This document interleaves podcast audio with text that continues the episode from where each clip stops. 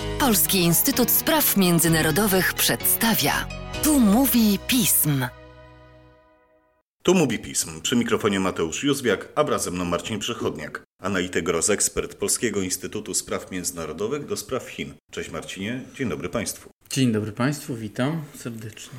Szanowni Państwo, 20. zjazd Komunistycznej Partii Chin zbliża się wielkimi krokami, choć właściwie z perspektywy naszych podcastów jest to maraton, a nie sprint.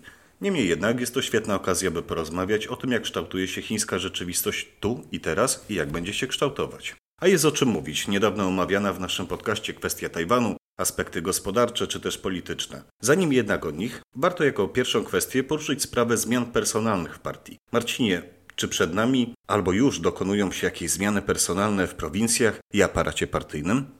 Tak, oczywiście. No, no, no, no, na początku to trzeba od razu powiedzieć, że rzeczywiście mówimy o tym zjeździe jako takim zbliżającym się nieuchronnym wydarzeniu, ale mówimy o nim już od przynajmniej roku. A pewnie i od poprzedniego zjazdu, bo dyskusja na temat 20 zjazdu zaczęła się po tym, jak zakończył się 19, czyli te kilka lat temu. No ale to rzeczywiście, bo to waga tego wydarzenia jest istotna, to troszeczkę dla starszych naszych słuchaczy, których nie wiem, czy mamy aż tak wielu, ale oni być może jeszcze pamiętają czasy, kiedy w Polsce i Polską rządziła pewna partia, e, czasy słusznie minione, ale wtedy również, jak wiadomo, zjazd tejże partii był najważniejszym organem decyzyjnym. I tak samo jest w Chińskiej Republice Ludowej. I stąd też tyle o tym 20 zjeździe, który się zbliża, mówimy i będziemy jeszcze mówić, a zwłaszcza jak już się odbędzie, to tym bardziej będziemy opowiadać i pisać na temat tego, e, co to oznacza i co tam się wydarzyło. No ale na razie przygotowania. Tak, na razie przygotowania, bo rzeczywiście no, te przygotowania trwają. Zjazd odbędzie się jesienią, nie, e, więc te przygotowania trwają. I chyba w zasadzie można powiedzieć, że, że one się już zakończyły. To z taką pewną dozą niepewności, zakończyły w sensie tych układów personalnych, bo to nigdy do końca nie wiadomo, co tam się w środku w partii dzieje. Ale no na te 2-3 miesiące, bardziej 2 niż 3, przed samym zjazdem większość najważniejszych kwestii powinna już być uzgodniona. Nie znaczy, że my znamy, że ja znam te uzgodnienia, natomiast no, z punktu widzenia Xi Jinpinga jako przewodniczącego, sekretarza generalnego zwłaszcza partii, to on już powinien mieć jako taką pewność co do tego, e, co będzie dalej. E, I z nim, i, i z kim będzie dalej pracował. No bo trwają przygotowania, jak powiedziałem.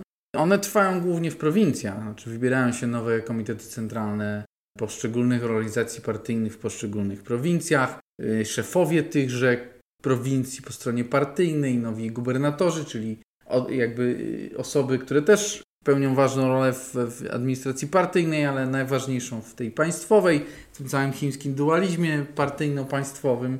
Więc y, znamy już i wiemy też, że część z nich jakby jak automatycznie znajdzie się na przykład w komitecie centralnym. Tak? W marcu tego roku jeszcze, trochę parę miesięcy temu, ale to było 17, 17 z 31 gubernatorów na przykład i burmistrzów, y, bo mówimy tu i o prowincjach, i o miastach samodzielnych na prawie prowincji, e, których jest kilka w Chinach. Nie, nie było członkami KC obecnego, więc to oznacza, że oni najprawdopodobniej wejdą do tego KC podczas e, nadchodzącego zjazdu. Także dwóch szefów KPH prowincji Anhui i Shanxi również nimi nie było, więc to jakby daje pewien element pewności co do tego, że oni się raczej w tym KC znajdą. Mamy na przykład nowego Ministerstwa Bezpieczeństwa Publicznego e, Wang Xiaohonga od e, jakiegoś czasu, który też oznacza i jakby patrząc też na jego biografię, wiek pokazuje, że, że on też jest pewnym istotnym kandydatem co do już nie samego Komitetu Centralnego, ale biura politycznego, czyli ciało wyżej. Tak samo na przykład Li Shulei, czyli nowy zastępca Departamentu Propagandy w ramach partii w KC. To są bardzo ważne funkcje. Oczywiście w Ministerstwie Bezpieczeństwa Publicznego to nie trzeba za wiele mówić, bo tu sama nazwa pokazuje, jaka to jest istotna z punktu widzenia partii Xi Jinpinga rola, tak? dbanie o bezpieczeństwo nie tyle kraju, co bardziej partii, ale też wszystkie kwestie wewnętrzne związane ze stabilnością i tak dalej, i tak. No więc no, te, te, pewne rzeczy już są, jak widać, wiadome do pewnego stopnia. Tak? Nie, nie wiadomo oczywiście, co dalej z Xi Jinpingiem, bo nie ma tu ograniczenia formalnego co do funkcji sekretarza generalnego partii, więc on jak najbardziej może po raz trzeci, bo tu mówimy o zakończeniu drugiej kadencji w tej chwili, po raz trzeci tym sekretarzem zostać i najprawdopodobniej zostanie. Ale, ale, co dalej i jaki będzie się układał skład jego towarzyszy, z będzie rządził? Tu już pewności nie ma i ciężko tu jakieś konkretne wskazanie. No naprawdę jest zwłaszcza w tym roku, kiedy tych elementów, które wpływają na to jest jeszcze więcej, bo o części z nich za chwilę pewnie powiemy. Jeszcze trudniej jest wskazać na, ten, na to, na ile pozycja Xi jest mocna, na, że on będzie w stanie zdecydować tak naprawdę o tym, kto będzie z nim współrządził Chinami. Czy stały komitet, to najważniejsze ciało partyjne, czy obecnie liczące 7 osób, wcześniej liczyło 9, e, jeszcze wcześniej też liczyło, była to inna liczba, więc ono się zmienia. Czy na przykład nie zostanie poszerzone, tak? żeby dać możliwość inkorporacji w ten, w ten komitet osób, które y, nie są bezpośrednio kojarzone z Xi Jinpingiem, ale z innymi środowiskami partyjnymi. Tego wszystkiego nie wiemy, to się wszystko być może już wyjaśniło, ale tego do końca jeszcze nie, nie wiemy i myślę, że nie możemy być, nie możemy być pewni. Myślę, że możemy się sobie pozwolić na taką, taką e, analizę, prognozę, że prawdopodobnie premierem zostanie, premierem to w marcu przyszłego roku, to jest funkcja państwowa, no ale członkiem stałego komitetu o numerem dwa e, do pewnego czasu zostanie Hu Chunhua, obecny wicepremier. Z dwóch powodów. E, z tego jeden powodu, że jest to osoba, łączy w sobie te dwie, dwa elementy. Jest wicepremierem obecnie, czyli zbiera doświadczenie i co pozwala mu. Był chyba tylko jeden przypadek w historii Chin, kiedy y, wicepremierem została osoba, która wcześniej nie, nie była wice. A dwa, no jest w odpowiednim wieku, ze względu na limity związane z, z, z wiekiem, który się ma na danym stanowisku on spełnia ten, ten warunek. Tak? Jest na tyle młody, żeby jeszcze móc swobodnie dwie następne kadencje na stanowisku w ramach stałego komitetu, a później także premiera spędzić. Tak? Ale znowu zrobię to zastrzeżenie, to nie jest to pewne, oczywiście. E, więc te wszystkie elementy cały czas grają rolę. To też jest ciekawe z punktu widzenia tego, jakby tej oceny, samej oceny 10 lat Xi Jinpinga i tego, w jakim stanie y, jest wiedza na temat tego, co się dzieje w partii jako takiej, tak? gdzie to wcześniej oczywiście nie było jawne. Te elementy dowiadywaliśmy się o nich po czasie albo w inny sposób, natomiast to, to jest charakterystyczna cecha dla tego, co się dzieje.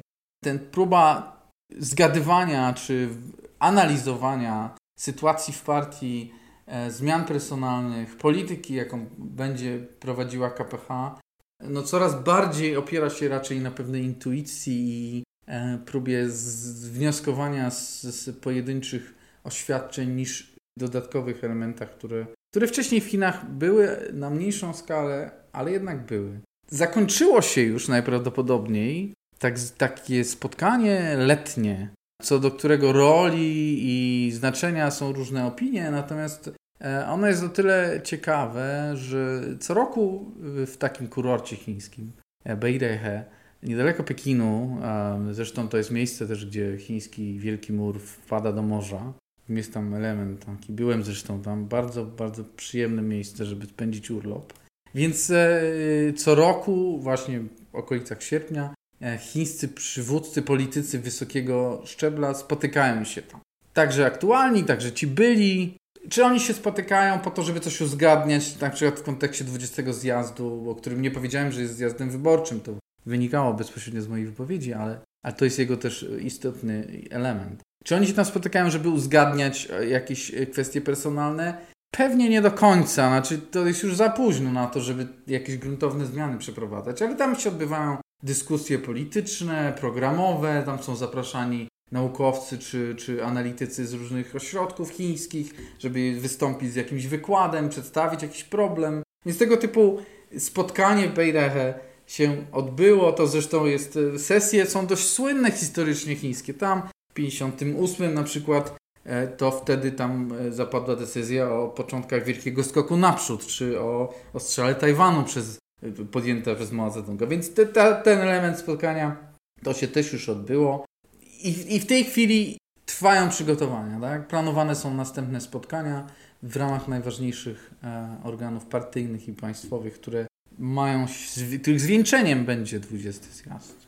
No właśnie. Czy w takim razie możemy mówić już o jakimś realnym kalendarium przygotowań? No oczywiście cały czas o tym mówimy, ponieważ wspomniałem o tych kwestiach związanych z wyborami w prowincjach, wyborami delegatów na zjazd, to się cały czas toczy i, i już raczej zmierza ku końcowi niż jest na początku, ale no mówimy tu oczywiście o spotkaniach też programowych. Tak? Znaczy podczas zjazdu, oprócz wyborów bardzo ważnych, y, wygłaszane są też odpowiednie przemówienia. Jak Xi Jinping będzie podsumowywał swoją ostatnią kadencję. No i te dokumenty, jakkolwiek pewnie w nieco mniejszej skali niż kiedyś to bywało i, z, i w mniejszym gronie, ale one są omawiane, one są dyskutowane, one są e, opracowywane. Tak? Więc i temu te spotkania również służą. No, mieliśmy w lipcu kilka takich spotkań. Biuro polityczne spotkało się wówczas, e, dyskutowało na temat chińskiej gospodarki i problemów z nią związanych w tej chwili. No ale to, tego typu spotkania nas cały czas czekają, więc jakby lipiec, sierpień to jest teraz okres ważnych przygotowań. Jak już wspomniałem, e, zwieńczonych e, i, i sesją biura politycznego, która wskaże termin zjazdu, a także potem już i sam zjazd. Warto by było już jako ostatnie pytanie poruszyć kwestię związaną z akcentowanymi przeze mnie problemami gospodarczymi i politycznymi w Chinach. Są to też kwestie, o których rozmawialiśmy ostatnio przy naszych podcastach. Jak bieżąca sytuacja będzie wpływać na przebieg 20 zjazdu? Właśnie, bo, bo przecież to i o tym też rozmawialiśmy już kilkakrotnie. To wszystko nie dzieje się w żadnej próżni. No, I te ustalenia wewnątrzpartyjne są kluczowe i ważne i, i istotne, ale one wynikają z tego, z jakichś sytuacji, w których znajdują się HRL obecnie. A jest dużo zmiennych. A jest dużo zmiennych. Oczywiście to są raczej długotrwałe, długofalowe zmienne. Nie mówimy tu o takich elementach, które występują krótkotrwale. Natomiast no, sytuacja nie jest różowa, trzeba tak powiedzieć. Bo i dane pokazują, że, że, że spadają praktycznie wszelkie wskaźniki gospodarcze najważniejsze dla Chin. To dane za lipiec. To spadają dużo niżej niż wcześniejsze szacunki by pokazywały. To dotyczy i, i sprzedaży, i produkcji przemysłowej, no i, i oczywiście i całej sytuacji na rynku nieruchomości, tak? Gwałtownie spadający poziom e, nowych umów, zakupów, tak? Prawie 30%, minus 30% w lipcu. Produkcji stali i tak dalej, bezrobocia, tak? E, wśród młodych zwłaszcza. Te wszystkie elementy wskazują, no, że, że ten kluczowy element, czyli rozwój PKB, wzrost PKB będzie coraz trudniej utrzymać Chińczykom. A to nie wpływa trochę na wizerunek przewodniczącego?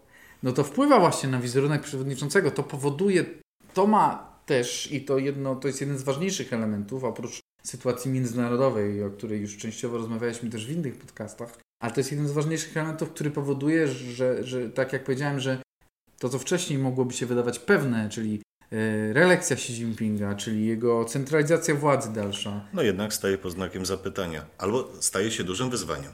O, to jest chyba lepiej, tak. Bo znakiem, jeszcze, jeszcze nie, postaw, nie powiedziałbym, że staje pod znakiem zapytania.